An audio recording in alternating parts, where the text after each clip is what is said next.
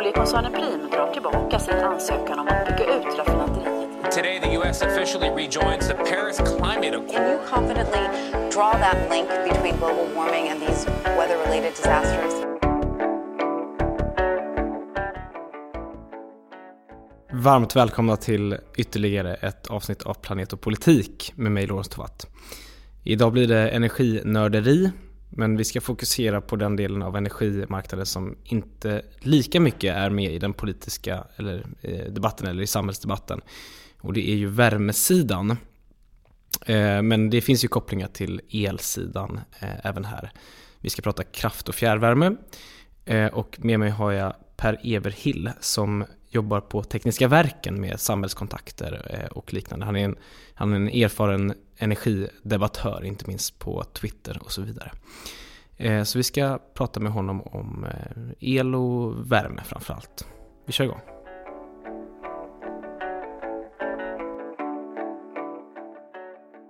Då kör vi igång. Per, välkommen. Tack så mycket Lorenz, kul att vara här. Ja, härligt.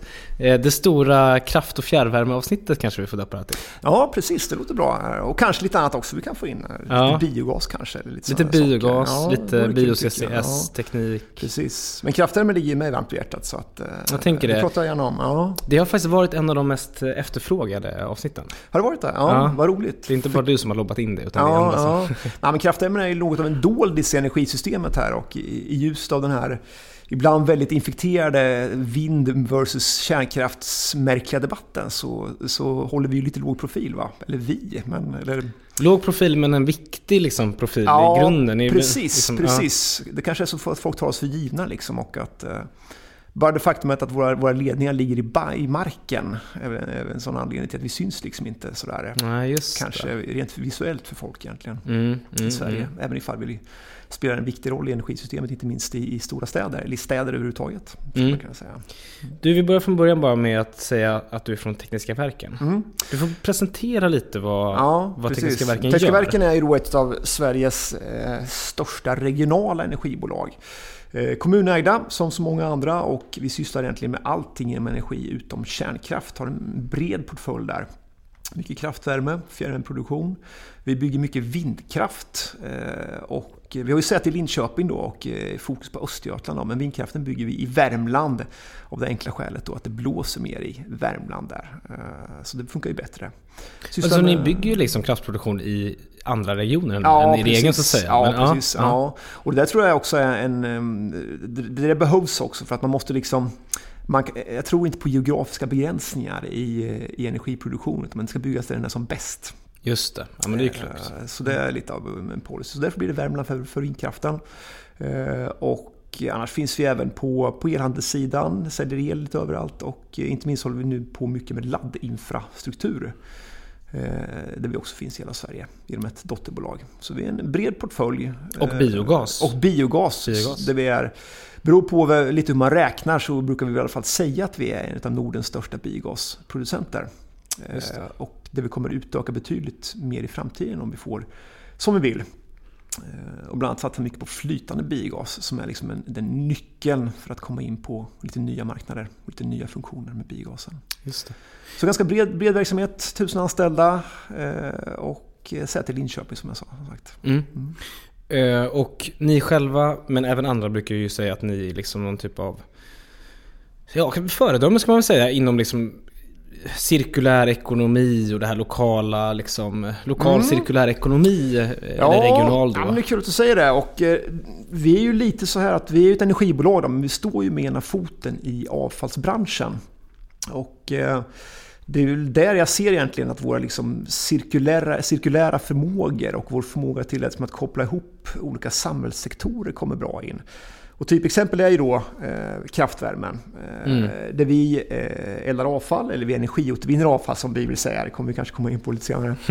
eh, men just det här att vi har en, en, en resurs i samhället över som vi då eh, inte kan använda till så mycket annat vettigt. Och att vi då tar den resursen ifrån avfallssektorn och nyttiggör den i energisektorn. Och samma sak med biogasen då, när vi tar eh, exempelvis matrester samlar in dem och sen rötar det till biogas som vi kan ha nytta av i, i energisektorn. Och, eh, och alltså att vi flyttar då den här resursen, eh, matavfall som då ligger hemma i folks, eh, ja, i folks soppåsar helt enkelt. Ehm, och flyttar den till och gör någonting bra av den i en annan sektor. Det tror jag är vår styrka, att vi står på lite olika ben där helt enkelt. Och, och någonting som jag tror kommer att bli viktigare i framtiden i ett, i ett mer resurseffektivt samhälle.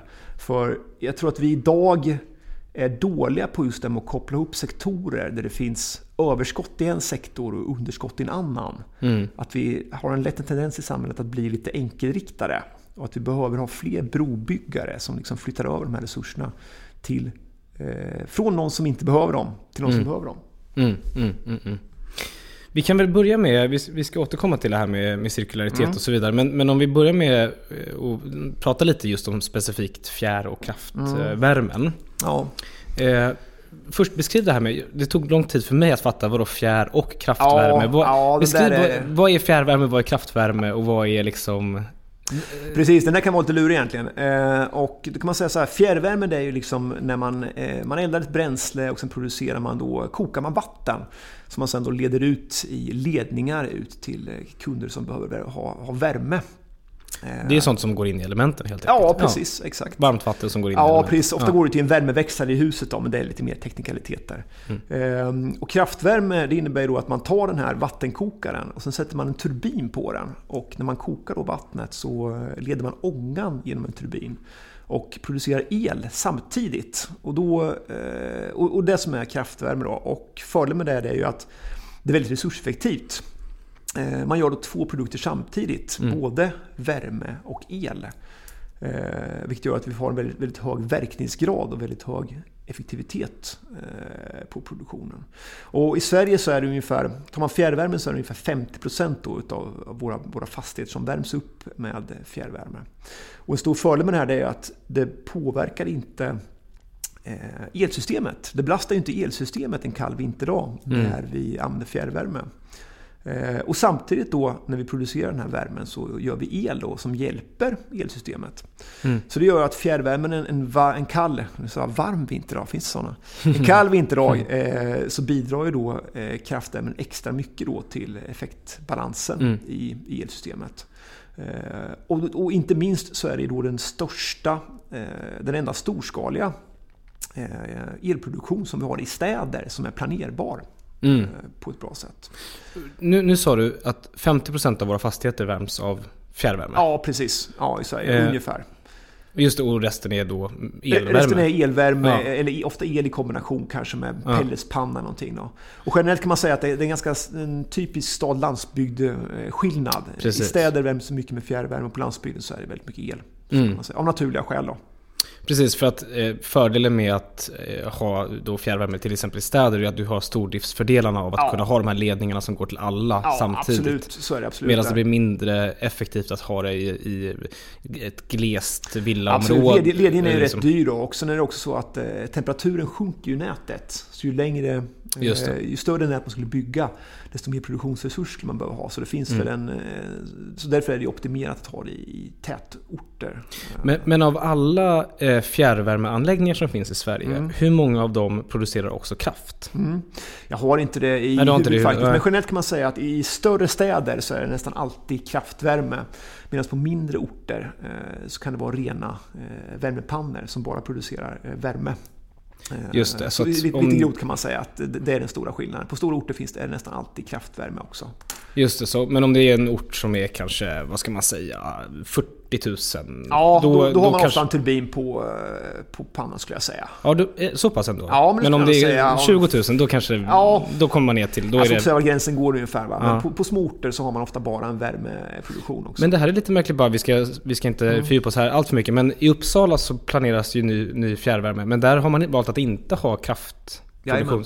Det bygger man ju bara ett värmeverk där. Och, eh, det där är, eh, som jag har förstått det, nu är det Vattenfalls domäner så att jag kan ja. inte, vet inte exakt hur de har resonerat. Men jag förstår så är det av ekonomiska skäl då, att man inte ser det lönsamt med att, att ha en turbin på anläggningen helt enkelt. Jag tror faktiskt att de planerar för det, men just nu så är det bara värmeproduktion och det innebär att man, man får ju faktiskt inte ett lika bra utnyttjande på på bränslet genom att du inte producerar eh, Nej men exakt, för det är ju, när man, väl- om man väl bygger en sån då är det ju jättesmart att lägga till eh, elproduktion, alltså kraftproduktion Ja, också. ja samtidigt, Men- samtidigt kostar naturligtvis. Det kostar naturligtvis Ja. och om jag förstår det rätt så var det ju mycket på grund av att vi hade ett väldigt lågt elpris då. Men det Ja. har vi inte längre så nu finns det ju en annan... Eh, en Nej, annan precis. Och det är ju också en generellt en svår utmaning i Sverige när man ska investera i, eh, i el, ny elproduktion. Och det är ju att vi har ju en sån volatil elmarknad nu. Så Mm. att eh, tittar man på att investera i en anläggning som ska vara i 30-40 år, det är inte lätt nu. Nej. Eh, vi har haft rekordpriser i eh, i höstas och i vintras eh, och samtidigt då så har vi då tidvis de senaste åren haft negativa elpriser. Exakt. Så att då sitta och göra en kalkyl på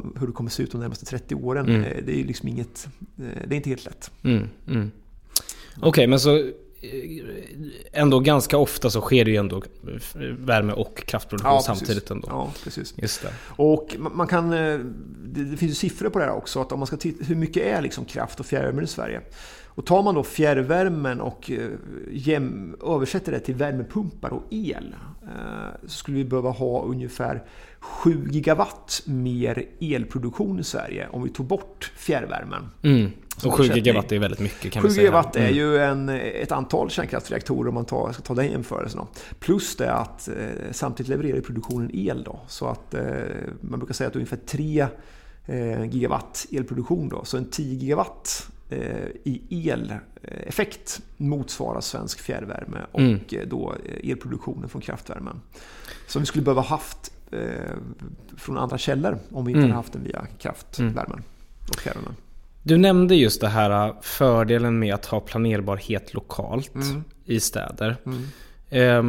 Ja, men, eh, en, måste bara fråga dig där, för att det har ju varit, det är ju ett av fördelarna med då kraftvärme, att, att man lyfter fram det, liksom att inne i Stockholm så kan vi ha, eller inne i, i Malmö eller vad det nu kan vara.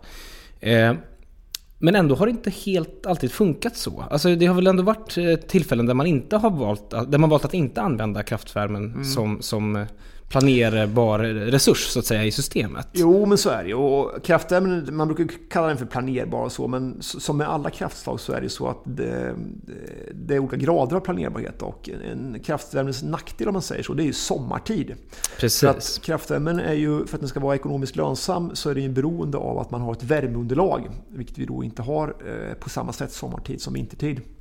Ja. Och Vadå, bör- vär- vad, menar du med värmeunderlag? Ja, någon som vill använda värme helt enkelt. Ja, no, ja, ja precis. Exakt. Det är det som står för Exakt. betalningen. ja. Folk ska duscha, duscha varmt och eh, använda värme på olika sätt. Då. Och då kan vi producera el eh, samtidigt som vi producerar värme. Då. Eh, så sommartid så är ju liksom planerbarheten sämre, eller egentligen leveransen sämre då för att det blir sämre lönsamhet i, i verksamheten. Det var det som hände för några sommar, somrar sedan. Så var det ju just en ganska kritisk situation Ja, i, i inte minst södra Sverige. ja. Och det var tvungna att upphandla Ringhalsreaktorn Ja, för stöd.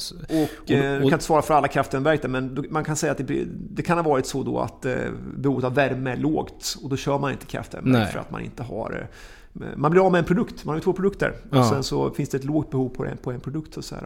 Just det. Och det, men då, jag tänkte komma till det senare, men jag tar det lika gärna nu. Mm. För det som eh, har varit en diskussion är ju liksom om, om, eh, om man kan komplettera eh, fjärrvärmen med liksom eh, med nya typer av eh, bränslen och sådär och använda solen till exempel. Mm. Och det har ju argumenterats för att just solvärme då, att man fångar in solens, alltså man, man värmer vatten via Ja. eh, just solvärme, att den skulle kunna komma in. Mm. Men å andra sidan, då får du inte elproduktionen där. Så att, Nej, precis det. Ja, men solvärme, ja, jag, jag, jag, jag tror att solvärmen kan ha en, en potential i, eh, i, svensk, i svensk fjärrvärme. Men eh, alltså nackdelen där är, och nu har jag faktiskt haft egen solvärme hemma som jag monterat ner från Ja. ett tak kan jag säga. Oh, Eh, vänta, bara för att det är tydligt, nu pratar jag om storskalig Ja, sol, precis. solvärme. Ja, jag pratar inte om, att- om Nej, att värma Nej, inga poolen. där. Nej, ja, men jag nej. förstår det. Nej, men eh, nackdelen, nackdelen med solvärme är just det att den levererar som mest när vi egentligen behöver minst värme i samhället. Det vill säga den här varma julisommardagen. Liksom. Då levererar ju solvärmen väldigt bra. Eh, Men, men samtidigt så innebär inte det att vi har noll behov den här varma sommardagen. Vi behöver ju duscha lite varmt då och eh, det finns ju säkert det finns ju verksamhet som behöver värme då också. Men, men det är en nackdel. Hade, det, hade vi haft eh, solvärmepotential i dec- december hade det varit fantastiskt. eh, Så, Mm. Men nu har vi inte det. Och det, är- det är en nackdel med det. Men jag tror faktiskt att vi skulle kunna, man skulle lätt kunna komplettera fjärrvärmesystemet med, med, med solvärme i någon mån. Så får man väl räkna på varje enskilt fall tror jag där.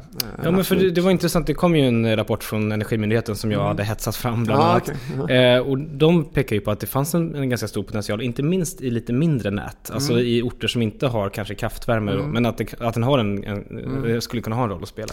Ja absolut, och framför, framförallt tror jag man kan spara bränsle om man har en, eh, kanske har ett dyrt bränsle. Och vi ser ju nu generellt i hela världen hur olika typer av bränslepriser, allt Exakt. från bioenergi sticker uppåt. Mm. Medan solen är gratis. Medan solen är gratis. Eh, så att det skulle absolut kunna, finnas en, mm. potential där. En annan, punkt, en annan sak som jag tror på, också på för att just göra kraftvärmen effektivare det är ju det här med fjärrkyla sommartid. Att vi ser ett ökat eh, kylbehov Eh, sommartid. Och då finns det ju sån finurlig teknik så att vi kan faktiskt göra kyla av värme. Okay. när, vi, när, vi, när vi eldar eh, olika typer av bränslen och, och, då kan vi producera el samtidigt. Så det är också ett sätt att kunna Just få ut mer elproduktion då på, på sommartid genom att vi behöver kyla. Just. Um, vi har, du har ju jämfört lite här med elvärme.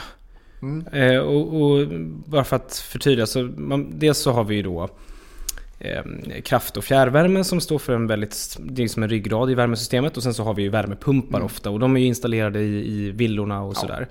Eh, och sen så har vi ju, jag tror att vi har någon, någonstans mellan 100 och 200 000 eh, direktverkande mm. värmesystem. Och det är ju lite äldre hus ja, som exakt. inte har konverterat ja, och sådär. Mm. Och du brukar, din, din poäng som du redan har gjort här, det är ju egentligen att det är ju väldigt svårt om vi ska värma alla hus med el. För då när det blir väldigt kallt så kommer det bli en sån superchock för ja. liksom marknaden och liksom effektbehovet kommer ja. slå i taket. Eh, men samtidigt så har ju elvärmen andra fördelar. Mm. Tekniken går ganska snabbt där och jag mm. menar det, det, faller i pris och mm. vi har ju inte det här man har ju förvisso ett, någon typ av bränslebehov i form av att man behöver, el, alltså man, man behöver ju elen till det så att säga. Mm. Men man har inte behov av liksom en, en input där. Eh, på samma sätt som man har i kraftvärme. Och så men, men om du fick liksom spå lite in i framtiden, så här, vad mm. tänker du kring elvärmen och liksom... Ja, men det här tror jag är en intressant fråga och jag skulle säga att elvärmen lite i svensk, eh, i svensk energiförsörjning skulle jag säga är lite, lite av elefanten i rummet. För mm. att eh, Elvärme kan jämföras eh, lite med, eh, om man säger oplanerbar kraftproduktion som vindprodu vindkraftproduktion då, som har många fördelar klimatmässigt, men den är ju fortfarande oplanerbar. Eh, det här är liksom den, den konsumtionssidans eh, motsvarighet. Ja, alltså att du vet inte nästa vecka, oj, undrar hur mycket energi jag kommer behöva använda till, eller hur mycket el jag kommer använda till uppvärmning. Du vet inte. Och oplanerbarhet är ju aldrig bra. Och jag tycker man såg också i, i december när vi fick de här elprischockerna i Sverige att när pressen letade upp någon, någon stackare som hade drabbats extra hårt här, då var det nästan alltid eh, ett äldre par på landet som mm. hade direktverkande el eh, och, och då får svårt att få koll på sina kostnader eh, när man får de här typerna av prischocker. Så jag tror ju att Eh, inte minst då i ljuset av det, liksom det, eh, det energiläge vi befinner oss i i Europa, att Sverige skulle må bra av en värmestrategi och titta lite grann på just mm. de här bitarna för att kunna minska den här känsligheten. Och eh, sen som du var inne på, eh, Loren, så eh, innebär det här inte att det är fult att använda el för uppvärmning. Nej. För att eh, det kommer behövas på landsbygden. Vi kommer aldrig bygga fjärrvärme mitt ute på landet. Eh, och, eh, utan det, det, är en, en tätortslösning. Utan jag tror är att man ska liksom använda, helt enkelt ha ett resurseffektivitetsperspektiv. Att finns det fjärrvärme, då är det en väldigt bra lösning. Ehm, det är också en väldigt bra lösning att byta sin direktverkande elvärme till en jätteeffektiv modern värmepump som mm. gör att vi, eh, som kanske till och med är styrbar i högre utsträckning än en gammal kontakt, ett kontaktelement man har i mm. sommarstugor, mm. ASAP. Eh, Eh, så jag tror att det är en, en, värmestrategi som tittar på liksom hur vi värmer upp och att vi kan göra det så resurseffektivt som möjligt. Jag tror jag skulle minska svensk... Det skulle vara, vara bra för plånboken för, för svensken i allmänhet. Men framförallt tror jag det skulle minska vår känslighet just för en, en, en nyckfull energimarknad i Europa. Mm. Eh, där vi inte riktigt vet vad som kommer hända imorgon. Mm. jag ska delvis spela djävulens advokat här tänker jag. Men, men också lite seriöst så, så tänker jag att det finns ju... Det, det som händer nu är ändå att det, det sker en väldigt stor, snabb teknikutveckling. Så att om, om man tittar på, liksom, det finns ju elhandelsbolag som jobbar med sin USP som att de, de helt enkelt reglerar folks eh, elkonsumtion åt dem. Mm. Liksom, så att man, man kapar topparna och höjer dalarna så att säga. Ehm, och, och, så har du ju då de som jobbar med att liksom aggregera mm. värme på, på liksom kvartersnivå eller liksom i villakvarter. Att, att man binder ihop eh, villakvarter så att alla som har en värmepump att de reglerar Mm. reglerar ovanifrån så att säga. Så att, det, så att man liksom kapar de här topparna. Mm. Eh, och det tänker jag är en, en spännande utveckling. Och som du säger också, att det sto, den, sto, den största utmaningen är nog den direktverkande elen. Mm. För de nya värmepumparna är så pass effektiva och smarta så att de kan mm. reglera bort en del av den här ryckigheten som, som annars mm. kan vara svår att ha att göra med. Jag håller med dig Lorenz. Sen ser jag väl en, lit, eh, en, en, en liten spaning eller lite ett sånt här orosmoln på, på energihimlen när jag spanar. Som jag har hört i Norge till exempel på elbilssidan. Det är ju det här med smartheten och det är ju jättebra naturligtvis här. Eh, men eh, det är när man börjar se, när alla börjar bli smarta. Ja. Samtidigt. Ja. Eh, och alla de här värmepumparna då i det här villakvarteret är uppkopplade mot, mot elbörsen på Nordpol och säger att klockan 10 då är det billigast att liksom... Ja, då blir det inte billigast längre. Exakt, precis. Nej, men så ja. att det där ska bli jätteintressant att se hur vad som händer på marknaden när alla blir smarta. För utan tvekan är det som du säger att, eh, att vara smart idag, eh, det är jättebra och mm. jag tror det finns väldigt mycket pengar att spara för den enskilde och även att det är nytta för elsystemet. Eh, men, men vi får se i framtiden när alla blir smarta, vad som mm. händer då med, med, med systemet. för, för det som vi ska precis gå över till det nu, men mm. ett av argumenten för att elvärme ändå har sina fördelar är just det här med att Eh, vi kanske vill minska avfallsmängderna i framtiden. Mm. Vi kanske behöver tänka att bio, bioenergin är en liksom bristråvara. Mm. Eh, och då har ju Sen, sen, så kanske vi har förhoppningar om att vi ska kunna producera väldigt mycket el i framtiden. Mm. Och då kanske elvärmen har en fördel på det sättet. Men låt oss då komma in på det, mm. nämligen. För det mm. nästa liksom kapitel här då är det cirkulära mm. och eh, nu ska vi prata en del bränsle och så vidare. Um, vill du först svara på det? Eh? Nej, men jag... Jag, jag, eh, jag håller med dig och har, vi god tillgång på el då är det klart man kan använda el till elvärme och säkert i många applikationer och sånt där. Eh, men jag tror nog utifrån när man ser de prognoserna i samhället som kommer nu på olika typer av alltså fossilfritt stål, mm. fossilfri fordonsflotta, datahallar inte minst då. Så tror jag nog att vi behöver ha, eh, ha, ha, en, ha ingångsvärdet att el är ju det bästa vi har. El är ju den finaste energiprodukten. El mm. kan vi driva, vi kan spela in poddar med el, vi kan köra elvispar, vi kan eh, se på TV med el. Men med varmt vatten eh, kan vi i princip bara värma oss. Eh, och ur det perspektivet så eh, tycker jag nog att man ska försöka titta just ur ett resurseffektivt perspektiv när det gäller energianvändning. Eh, men eh, som du antydde lite grann, olika lägen i olika situationer. Mm. Eh, och jag tror definitivt att vi i alla fall på europeisk nivå kommer se betydligt mer elvärme. Inte minst för att bli av med, med rysk gas som vi absolut måste göra. Att vi då byter ut det mot elvärme. Mm. Absolut. Mm. mm. Ja men bra, men låt oss gå in på, på det här med, med cirkularitet och bränslen och så vidare. vi kan väl börja med att prata om avfallshierarkin. Mm. Precis. Vad, vad är det för någonting? Mm. Ja, men avfallshierarkin är egentligen en, en, eh, en princip för hur man ska behandla avfall i samhället. Eh, och vi har ena foten i avfallsbranschen och vi vill säga att vi jobbar egentligen med alla delar av avfallshierarkin. Och den principen går ut på att man ska egentligen börja med att helt enkelt inte skapa avfall. Mm. Utan eh, man ska börja med att, eh, som jag sa, inte skapa avfall. Och sen gå neråt i form av återanvändning. Eh, och det kan vara till exempel att man lagar sin tröja. Absolut, ja. Mm. ja absolut. Där. Vilket vi ser mycket mer av också. Mm. Jättepositiva utvecklingen på den eh, fronten här och eh, jag eh, lämnade nyligen in min jacka på reparation för övrigt som jag har här. Nu är det här podd så det ser man inte men ett, bra sätt liksom att kunna hålla mm. textilier levande. Och sen går det neråt då via materialåtervinning, att använda materialet till något nytt. Sen energiåtervinning och sist men inte minst vill man ju undvika soptippen. Som vi faktiskt i princip har avskaffat i Sverige. Det är någon procent av avfallet som vi numera slänger på soptipp. Eh, Medan läget ser helt annorlunda ut i resten av, av världen. Eh, Så det är avfallshierarkin där och då befinner vi oss ju, eh, om man då gör energi av avfall, ganska lågt ner på, på den här skalan då, vilket ju ibland kan vara en orsak till debatt. Eh, Så som jag, gärna, som jag gärna utvecklar mera. Men den här hierarkin, den är ju egentligen, man kan säga den är ju antagen också som Absolut. formella dokument i EU. och absolut liksom, där. och jag tror, jag tror ingen har någonting emot eh, den egentligen. eller hur? Den är ju Ja, den är, grund den och är botten väldigt klok. vedertagen skulle jag säga, Ja. eh, generellt. Men ni befinner er då i, i skamhörnet? Nej, Nej, jag tror jag skojar, jag ja, skojar, jag skojar. med. med. Nej, men det, det jag tror man bör ha i beaktande där, det är just det att eh, vi är helt enkelt för dåliga på att göra, eh, när det gäller avfall, på att göra åtgärder högt upp i avfallshierarkin. Eh, framförallt så är det väldigt enkelt idag i Sverige att sätta avfall på marknaden. Mm. Konsekvenserna är för låga för den som sätter en, en produkt som inte går att återvinna på ett effektivt sätt. Och som ett exempel då på hur det går till då, ehm, det är ju att eh, ja, när vi får in avfall eh, till, eh, eller framförallt när, när, så här, när du som privatperson sorterar avfall, är duktig och åker till din återvinningscentral och sorterar i, du sorterar i glas, du sorterar i förpackningar etc. etc.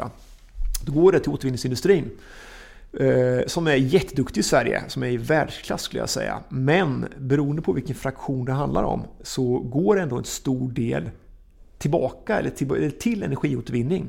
För att den inte kan materialåtervinnas. Man kan inte ta vara på den. Nej, så tar man exempelvis plastförpackningar så pratar man om att en bit över 50% kan materialåtervinnas. Men resten kommer ju tillbaks, till, tillbaks till oss i eh, energiåtervinningsbranschen. För att de är för dåliga helt enkelt. Okej, så om vi tar plasten nu som exempel. Ja. 50% kan materialåtervinnas. Jag tror det ligger på 55 eller någonting sånt där i Alltså, Och det, Sverige. det du menar med det är att man skulle kunna ta de här 55 procenten man, man skulle kunna, och då skulle man kunna göra nya plastförpackningar av Ja, dem. det görs nya grejer idag helt enkelt. Ja. Men idag är det bara väldigt, väldigt lite som blir det. Nej men eh, precis, sen... Eh, Det är väl bara någon procent som blir nya? Ja, som blir nya. Ja. Exakt. Så att, Precis. så att egentligen av de Vi här... har ju ett ganska långt pris. Det- Om man tar... Nu tänker du på hela flödet. För det försvinner egentligen plast i, i flera omgångar. Och dels beror det på att folk eh, sorterar för dåligt plast. Mm.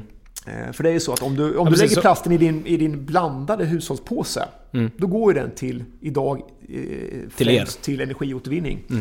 Eh, Så där försvinner ju en hel del plast. Men sen eh, även den utsorterade plasten som man är inne på. Av, även av den så är det ju bara en bråkdel som blir ny plast. Mm. Och det är ju helt sjukt. Att Det är, så. ju, ja, precis. Så där har vi naturligtvis en brist då. Eh, Och, och vi, Men, men bara för att vara tydlig, då är det så att av all plast som man så att säga använder och som sen blir avfall Mm. så är det nästan, är det kanske bara 1% som blir nya förpackningar. nej, jag tror faktiskt det ligger lite högre. Ja, något- eh, men något sånt. på den Två, tre kanske. Men en, stor, men en stor andel försvinner ju i felsortering och en stor andel försvinner i bortsortering ifrån materialåtervinningsindustrin. Precis, precis. De Exakt. två källorna när de försvinner bort helt enkelt. Och det man hade velat ha är egentligen att vi blir bättre på att sortera det och att det vi sorterar ut som plast, det går till Går- att bli ja, ny absolut. plast.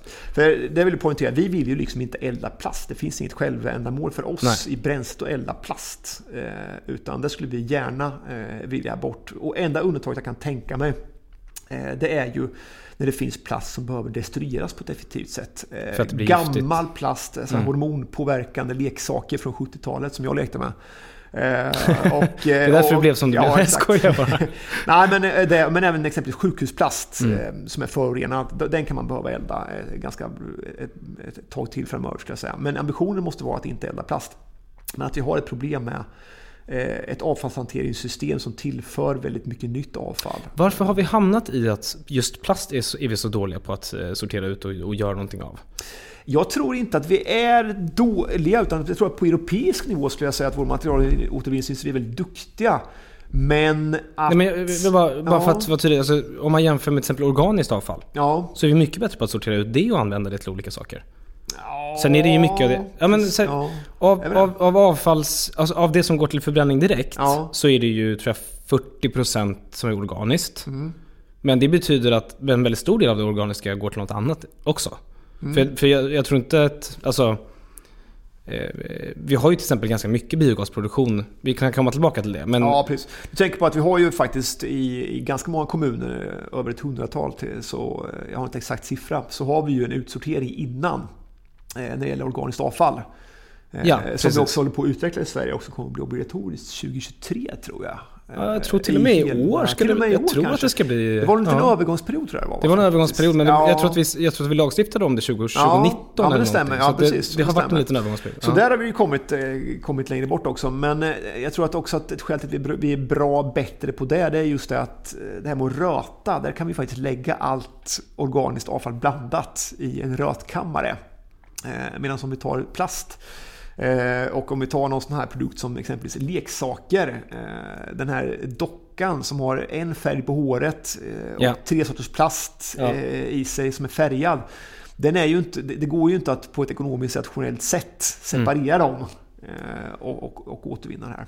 Men, men, men, men poängen tror jag ändå kvarstår. Alltså jag menar, vi är ju bra på det här med organiskt avfall för att vi har jobbat med det och haft ett mål om att vi ska samla in mer. och det och finns, liksom, en, finns en nyttig det användning finns en för den marknad så, för det och det ja. finns biogas. Ja, men det kan jag hålla med om att och- och- och det- det- marknaden för återvinningsbar plast är ju inte speciellt utvecklad. Nej men det är det jag menar. Om, om, det om vi hade problem. jobbat med plasten på samma sätt eller om vi hade haft ambitioner kring plasten då hade vi ju utvecklat system för att ta tillvara det. Slash eh, vi hade tvingat eh, producenterna att bara sätta ut sånt på marknaden som man kan eh, återanvända på olika sätt. Ja, men det tror jag säkert. Att det, det hade det kunnat göras mycket mer på, Ja. eh, på den sidan som gör att vi kunde minska alltså den, den plast som behöver energiåtervinnas. Det tror jag absolut är. Och som du är inne på, att det handlar om att, göra, att, att gå in på tillförselsidan. Exakt. Det som sätter den här grejen på marknaden. Måste ketchupflaskan vara i den här färgen eller kan den vara eh, genomskinlig eh, och de bitarna. Och jag tror det finns en hel del på, på ekodesign-sidan till exempel att göra där som gör att vi skulle kunna slänga betydligt mindre plast. Precis, alltså börja, Men börja eh, reglera. sen tror jag också att vi, vi, vi har ändå den mänskliga faktorn där och där så, det väl ingen hemlighet längre, men vi tittar ju på, vi tittar ju till exempel på automatisk eftersortering Eh, på Tekniska verken så att man kör upp avfallet på ett, på ett löpande band helt enkelt och sen så eh, kommer det vara en robot, eh, lite enkelt förklarat, som eh, tittar på att sortera ut då eh, de här plastfraktionerna helt enkelt. Men utmaningen där är ju som jag var inne på tidigare att eh, även ifall vi då sorterar ut den här plasten och sen skickar den eh, snyggt och fint förpackat till ett materialåtervinningsföretag så är risken stor då att en stor del ändå kommer komma tillbaka till oss då just för att, Mm. det är, eh, för att problematiken är att det är plast som är väldigt svår att återvinna som sätts på marknaden. Mm. Men om vi då tittar framåt. Nu är det ju ändå på gång ett stort plaståtervinningsraffinaderi i Sverige. Världens största tror jag. Mm. Absolut. Och först, 2025 har jag hört eh, Ja. siffror på. Och det där tror jag är jättespännande. Och, eh, och då går vi in lite grann i, som jag, nu är inte jag någon plastraffinaderiexpert här, men som jag förstår det lite grann. Jag ser paralleller med bio, med, med organiskt avfall. Att du kan lägga allting i, i, i, en, eh, i en anläggning liksom, och sen ta ut då intressanta kolväten i det här fallet. Då. Och det tror jag i- skulle vara jättespännande att titta på det. Och eh, att kunna få bort en stor del utav avfallet, eh, av plastavfallet där och kan nyttiggöra det till, till återvinning Mm. plast där. Eh, Men jag tror att för att det ska kunna bli verklighet och så bra som möjligt där, så tror jag till exempel att vi måste bli bättre på att kunna använda eh, alltså återvunna, återvunna plastprodukter och vi måste göra avsättning för de, eh, för de eh, resurser. Nafta till exempel kommer ut ur den här, jag förstått, ur den här plaståtervinningen och olika typer av ke- kemoprodukter. Att vi måste ha, kunna ha en, en användning för dem i samhället mm. så att de efterfrågas. För det är återvunnen, det är en återvunnen resurs då, om en fossil. Så att säga. Och sen börja liksom reglera producenterna så att de sätter... Ja. Så att, alltså jag menar vissa plastsorter går inte i, i alltså det, då, då, de borde ju förbjudas då. Ja, Naturligtvis. Absolut. Ja, eh, jag, tror, jag tror en kombination av eh, du säger förbud, jag tycker ekodesign låter lite bättre men eh, Ja, vi tänker det- samma sak ungefär tror jag, eh, Lorenz här. Eh, nej men dels, det- dels det och... Ja men det och, finns till exempel svarta plastprodukter Ja, som som, inte... exakt. Som är, de, det ska vara bort. Punkt. Ja, precis. Eh, så tror jag också. Och, eh, sen tror jag också på, och jag skulle gärna se någon form av bonus-malus-system där tänker jag på. Att om du till exempel är duktig på att sätta bra plast på marknaden eller att du tar ansvar för den. Eh, Eller ett kvotsystem. Ja, kvotsystem eller... Ja, men är ju snyggt annars, vet du. man får en belöning också. också så Ja. är det någon som får en piska också. Så att det är, något sånt tror jag skulle, skulle vara lite attraktivt där för att Ja, just få okej. lite drag i, i, i plastproducentbranschen. Mm, mm, intressant. Du, vi har varit inne på organiskt avfall. Mm. Ehm, du, nu har vi pratat om att vi ska minska eh, plast. Ja, Det finns ett intresse av att minska organiskt också i, i just värmeproduktionen för att där har vi en bra eh, alternativ energiform som, som verkligen kan pressa undan Ja, fossilt. precis. Det. Fördelen med att, att göra biogas då utav organiskt avfall, eh, det är naturligtvis då att vi eh, om du tänker på det att du kan tränga ut rysk gas. Exakt, exempel, är exakt. En fantastisk fördel. Ja. Och där har, har ju ni mycket verksamhet redan som det är.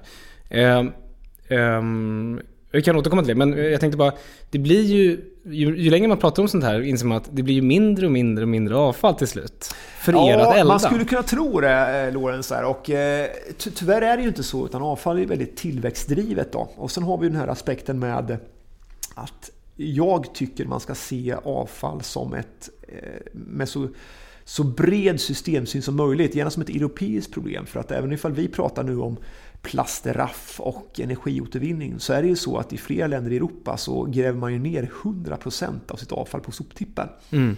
Eh, och eh, eh, det vi gör också det är att exempelvis tar vi våra, våra vänner i Norge, vårt grannland Norge, så skickar de ju i princip allt sitt avfall till utomlands, bland annat till Sverige. För att i Norge så har man ingen fjärrvärme, för man har elvärme.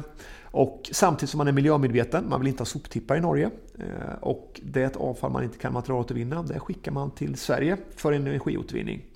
Och det där eh, är det många som kritiserar, men jag är väl av den inställningen att jag tycker att eh, den som är bäst på att ta hand om avfall ska ta hand om det. Det, det, det, ska, det behöver inte vara så att man alltid måste göra det själv. Sen vore det väl jättebra om norrmännen själva kunde bygga fjärrvärme, men när de inte har den eh, så är ju klimateffekterna eh, jämfört med om de skulle lägga det på en soptipp i Norge där det läcker metangas så är det betydligt bättre att vi får nyttiggöra eh, det här. Och, men tyvärr är det ju så att det är ganska få länder i Europa som har den här eh, synen och framförallt viljan. Så tittar vi på Östeuropa så är det soptippen som gäller. Och tyvärr är det så att vi deponerar, eh, alltså lägger på soptipp, eh, mer än 100 miljoner ton avfall varje år. Så om vi går tillbaka till den här avfallshierarkin så är det ju tyvärr så att medan vi då kanske befinner oss ganska högt upp och tycker att energiåtervinning är liksom ett dåligt steg. Eh, så i Europa så skulle energiåtervinning vara ett enormt lyft ifrån soptipparna. Mm. Men, men jag, jag, jag kan köpa del av det resonemanget. Men eh, utopin här är ju att alla länder ska bli bättre på att minska avfallsmängderna totalt. Absolut. Och även kanske då som du säger energiåtervinna mer eller Ja, liksom absolut. och så vidare. Så att, Men jag tycker inte de behöver göra det själva utan eh, jag tycker det vore jätte... Om, om Polen, eh, om vi säljer en tjänst till Polen och vi är bättre än dem på det, då tycker jag vi kan... eh, ja, men, det, men, det, erbjuder dem det, men, men det kan jag köpa. Men, men, eh, men säg att alla skulle bli jättebra plötsligt. Ja, ja precis. Och ja. jag menar, då, då återstår det inte så mycket för er Nej. att bränna. Det kom, jag, jag vet ju att, men jag Ja. var, i- för, för resonemangets skull. Ja. Eh, och då är frågan liksom, ehm, vad är det då? Är det byggavfall? Är det den? Byggavfall, är- returträ är ju en, en sån produkt och den gillar ju jag eh, generellt då för att det, då handlar det ju om ett, ett avfall då och det kan ju vara möbler och det kan vara SJ-pallar. Det har ju bundit koldioxid i förhoppningsvis jättelänge. Kastar man in eh, farmors gamla chiffonier liksom i kraftvärmen som har stått där i 200 år va, så är det och som sen är sliten och som man inte vill ha längre. Då är det en, ett bra exempel på klimateffektivitet med just returträ. Men eh, jag, jag håller med om att visionen ska naturligtvis vara att vi, eh, vi- vi minskar avfallsmängderna. Men jag tror ändå att under överskådlig tid så kommer samhället ha grejer som vi liksom inte kan göra någonting vettigare med.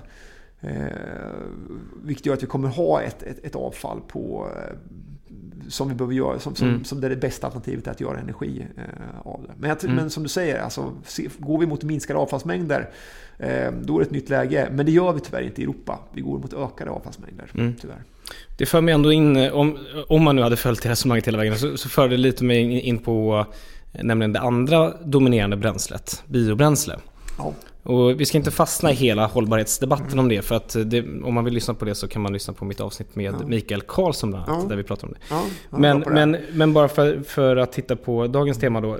Om man tittar på eh, andelen avfall versus biobränsle Mm. i svensk eh, fjärr och kraftvärme. Vad, hur ser det ut egentligen? Det är, ungefär, är det 50-50? Nej, eller? men avfall ligger någonstans på en eh, 25-30% va? och bioenergin är betydligt större. Jag tror den ligger till och med över Jaha, det är 50 så Ja, till och med mycket. över 50% ligger den rena, den rena bioenergin i olika varianter. Så att bioenergi är större än avfall, även ifall avfall är ganska stort. Då. Utifrån rent hållbar, vi ska inte fastna där, men, Ja. men om du bara fick välja, vad är mest hållbart? Att elda avfall eller att elda bio, bioenergi? Eh, Jag skulle säga så här att man, man kan gå in på olika fraktioner i detalj, men jag skulle nog säga att eh, principen att det både ska vara återvunnet i så hög grad som möjligt och förnybart är ju det bästa. Och, och jag ser framför oss att eh, på den här resan du pratar om mot ett samhälle som inte har något avfall så måste vi sträva efter att allt bränsle som eldas ska vara både återvunnet och förnybart. Det Mm. måste vara eh, ambitionen. Eh, och då blir det naturligtvis olika på olika kraftslag, eller olika bioenergislag. Om det är spill ifrån ett, ett sågverk eh, jämfört med returträ som vi var inne på som kanske då har funnits i ett hus i förhoppningsvis då jättemånga, kanske till och med hundra år då, och gjort nytta för klimatet. Och, och strävan ska alltid vara att så hög grad av återvunnbarhet som möjligt och förnybart naturligtvis. Mm. Ja men det låter bra. Innan vi lämnar eh, bränslefrågan bara helt. Eh, det finns ju lite dumheter kvar. Eh, det är li- lite olja, Lite lite, olja, lite gas, lite kol. lite och så finns det torv. Ja, precis. Ja. Men i princip, det, det mesta är borta. Ja, precis. Men det, som kvar är ju, torven- det som är kvar är ju reservanläggningar skulle jag säga. Eh, alltså anläggningar som är som vi kör när det är riktigt jäkla kallt helt enkelt. Eh, och i vårt fall så har vi kvar några, de kör vi ju nästan nästan aldrig. Utan de, de är ju byggda på 70-talet och så Mm. står de kvar där. Utan det vi har gjort med dem är att konvertera dem till det. Istället. Så man tar en oljeanläggning och sen så konverterar man dem så att de klarar av att köra eh, bioolja istället. Men där finns ju kvar en del anläggningar i, i alltså reservanläggningar och eh, där är ju Karlshamnsverket är ju ett typexempel på det. Mm. Det finns effektreserven då som ju går på, eh, på tjockolja eller brännolja. Eh, som då har ett väldigt högt eh, värmeinnehåll och som just används De borde väl kunna konvertera till bioolja också? Det skulle de säkert kunna göra. De påstår att de inte kan det, men jag men, köper men jag tänker så, ja precis. eh, Jag kan inte svara för tekniken, men det jag kan svara för är att det skulle bli de volymerna det handlar om. eh, Det skulle bli väldigt, väldigt dyrt då. och inte minst då eftersom att vi numera på, när det gäller bioolja för uppvärmning som kommer ifrån grödor som är det man behöver göra för att få till de här stora volymerna så har vi ju full skatt på den numera. Mm, Eh, och vet. det gör att vi, eh, våran, Men- men- våran konvertering blev ju väldigt, eller konverteringen, våran, våran biooljekostnad är ju brutal om man säger så. När det ska startas biooljeeldning i våra anläggningar. Eh, Men- Då är det dyrt. Men jag köper inte att det skulle vara, jag menar, det som, visst, det är dyrare med bioolja än, än, äh, än fossilolja Mm. eh, för Karl, Karlshamnsverket. Ja. Men jag menar, det här är ju en statlig upphandling. Mm. Eh, och den drivs ju inte. Alltså den drivs ju väldigt sällan. Och men då hade det, det är inte en, den ytterligare kostnaden måste man ju kunna ta för att ha ett reservverk som bara står mestadels av tiden. Ja, det där är kanske inte jag rätt man att svara på egentligen. Här. Nej, det är ju Men mer en politisk fråga, Ja, det är men- mer en politisk fråga. Men ett, en kommentar till den är ju att det, det vi ser nu är ju då tyvärr att Karlshamnsverket går mer och mer. Och jag såg någon uppgift på att det hade gått nästan senast, om det var senaste året eller då eller förra året, eh, lite osäker på perioden, så, så eh, användningstiden för Karlshamnsverket har ju liksom tiofaldigats. Eh, på grund Men av det märkliga läget vi har på energimarknaden. Ja. Eh, och det, det skulle, då skulle det bli Men jag måste lägga in brasklappen att det, det har ju aldrig gått, som, eh, gått för att eh, effektbalansera. Nej, basproduktion, nej. Det, det- är möjligt. Eh, Eh, det den har ju inte gått in för att stötta elnätet.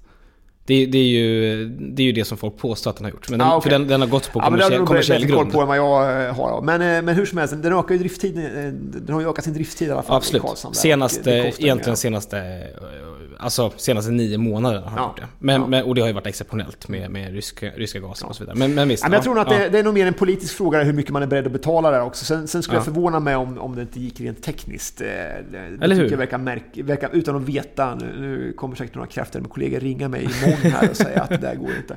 Men det verkar märkligt. Men däremot så skulle ju kostnaden bli avsevärt mycket högre. Ja. Väldigt mycket högre. Du, vi ska eh, runda av med att titta framåt. Eh, Bio-CCS. Ja, Det som många snackar om nu. yes. Mm. Ja, det- Eh, Stockholm Exergi, de är på gång. Jajamän. Hur ser det ut för er? Eh, vad, eller ska vi börja med tekniken bara? Vi har prat, jag har pratat om det här i Ja. tidigare avsnitt också. Men, men det, det det handlar om egentligen att när man då bränner så ska man samla in Yes, eh, koldioxidutsläppen och eh, pumpa ner den någonstans. Ja, Eh, precis. Det, det är ju. CCS då. Och, och där så, det där är ju jättespännande för, för svensk, svensk kraftvärme då, i och med att vi, vi eldar bränslen där. Och inte minst är ju det som vi är inne på bio-CCS då man helt enkelt man fångar in biogen koldioxid. Mm. Eh, vilket innebär att man får en, en, en kolsänka. Mm. Till skillnad från om man tar bort fossil energi, som också är bra, eller fossil eh, koldioxid, som också är bra. Eh, men klimateffekten blir ju större genom att ta in bio. eh, Ja precis, biogen, eh, skillnaden är då att fossil CCS, det kan på sin höjd bli klimatneutralt. Medan Yes. då eh, biogen eh, CCS då kan gå minus helt enkelt. Yes, Mm. precis. Ja, men så är det. Och det där vore ju också sätt att höja klimatprestandan då i kraftvärmen. Och, eh, jättekul och jag känner mig som, som när man jobbar i branschen blir man stolt över Stockholm Exergi och de, de, det projekt som de har där och hur långt de har kommit med det. Eh, De får ju besök från när och fjärran och sådana saker. Sen då eh, som östgöte då så är det så att vårt, eh, vårt stora, vår stora anläggning ligger mitt på slätta. På slätten där då. Och det är ett problem då för att det är långt från hamn. Och för att kunna göra det här effektivt så behöver man ju ha en djuphamn då för att kunna köra ut det här och sen till Nordsjön. Aha, Eh, okej vi- så ni har lite logistiska Ja, problem? vi har lite logistiska utmaningar där och det gör att vi har tittat mer på det här med CCU som ju är Alltså att eh, utilize, alltså att vi ska, man ska använda koldioxiden till någonting där. Och den tekniken har ju inte kommit alls lika långt eh, som det gäller just med det här med att lagra koldioxiden. Eh, men vi har en hel del projekt på gång där. Eh, det vi tittar på eh, och eh, det här är, ja, man, man kan då, eh, utan att säga för mycket, lagra koldioxid i, i olika praktiska produkter. Eh, och det kan Till, handla om- ge några exempel. Vad, Ja, vad man skulle ta odling. Olika typer av eh, odling. Det går åt väldigt mycket koldioxid då, eh, för att eh, odla olika typer av eh, produkter, grönsaker till exempel. Eh, Just det exemplet så blir ju det ganska kortvarig odling då. eh, Eftersom att livslängden på en tomat den ska ätas upp och sen så eh, blir det ju eh, koldioxid ändå eh, till slut. Men det är fortfarande ett sätt att använda koldioxiden på ett bättre sätt. Då. Men även betong, eh, skumgummi är sådana där produkter. Eh, så vi tittar mer på den typen av, av verksamheter och tittar ganska brett egentligen. Men jag, jag, jag tror absolut att vi kommer komma eh, att det är någonting i det här att vi kommer landa i. Men att den tekniken just nu idag i Sverige är, eh, och i världen, det, den är, det finns inte lika, den har inte kommit lika långt som, CC, som CCS. Mm eh, Där. Men vem vet? Men det här Eh, stö- nu- för nu, en sak som vi då har Mm. genomfört nu i, i regeringen bland annat det är ju då att man ska få ett, eh, Ja, en auktionering, då, ja. från, från Energimyndigheten att de ska köpa upp den här typen av, av tjänst från, Ja. från, från olika typer av aktörer. Ja. Kan man få stöd för CCU också via den satsningen? Eh, jag har inte detaljkoll på den faktiskt. Nej, det blir osäker själv Om man kan delta i den aktionen där. Men däremot är den är ju begränsad till bio Exakt. CCS där. Så vi har ju avfall då. Ja, det så skulle ju räknas inte Ja, jag tror vi skulle kunna köra det på vår biogena del. Och nu är det sådana grejer som vi inte har koll på som vi pratar om. Ja, okej, okej. okej. Eh, men, Ja, ja, vi får eh, kolla upp det till nästa Ja, gång. vi får kolla Ja. upp det till nästa gång här. Eh, Jag tror vi skulle kunna delta för den biogena delen Ja, av vårt eh, avfall där. just det. Men det är naturligtvis positivt att staten går in och, och stöttar det här när det handlar om ny teknik som ju då Eh, och, och framförallt skapar en marknad. Och, och det tror jag generellt eh, är, är en nyckel här. Att på något sätt skapa en intjäning för att samla in, eller, eh, samla in och lagra eller använda koldioxid. Och det, kommer, det, krävs ju en kol, det krävs ju en det krävs en konstgjord marknad Mm. som politiken kan leverera. Och jag tror att eh, det här eh, svenska förslaget nu, eller steget nu med, med aktioner tror jag kommer vara en bra början på det. Absolut. Mm. Mycket spännande. Mm. Du, tack för att du kom till podden. Tack så mycket.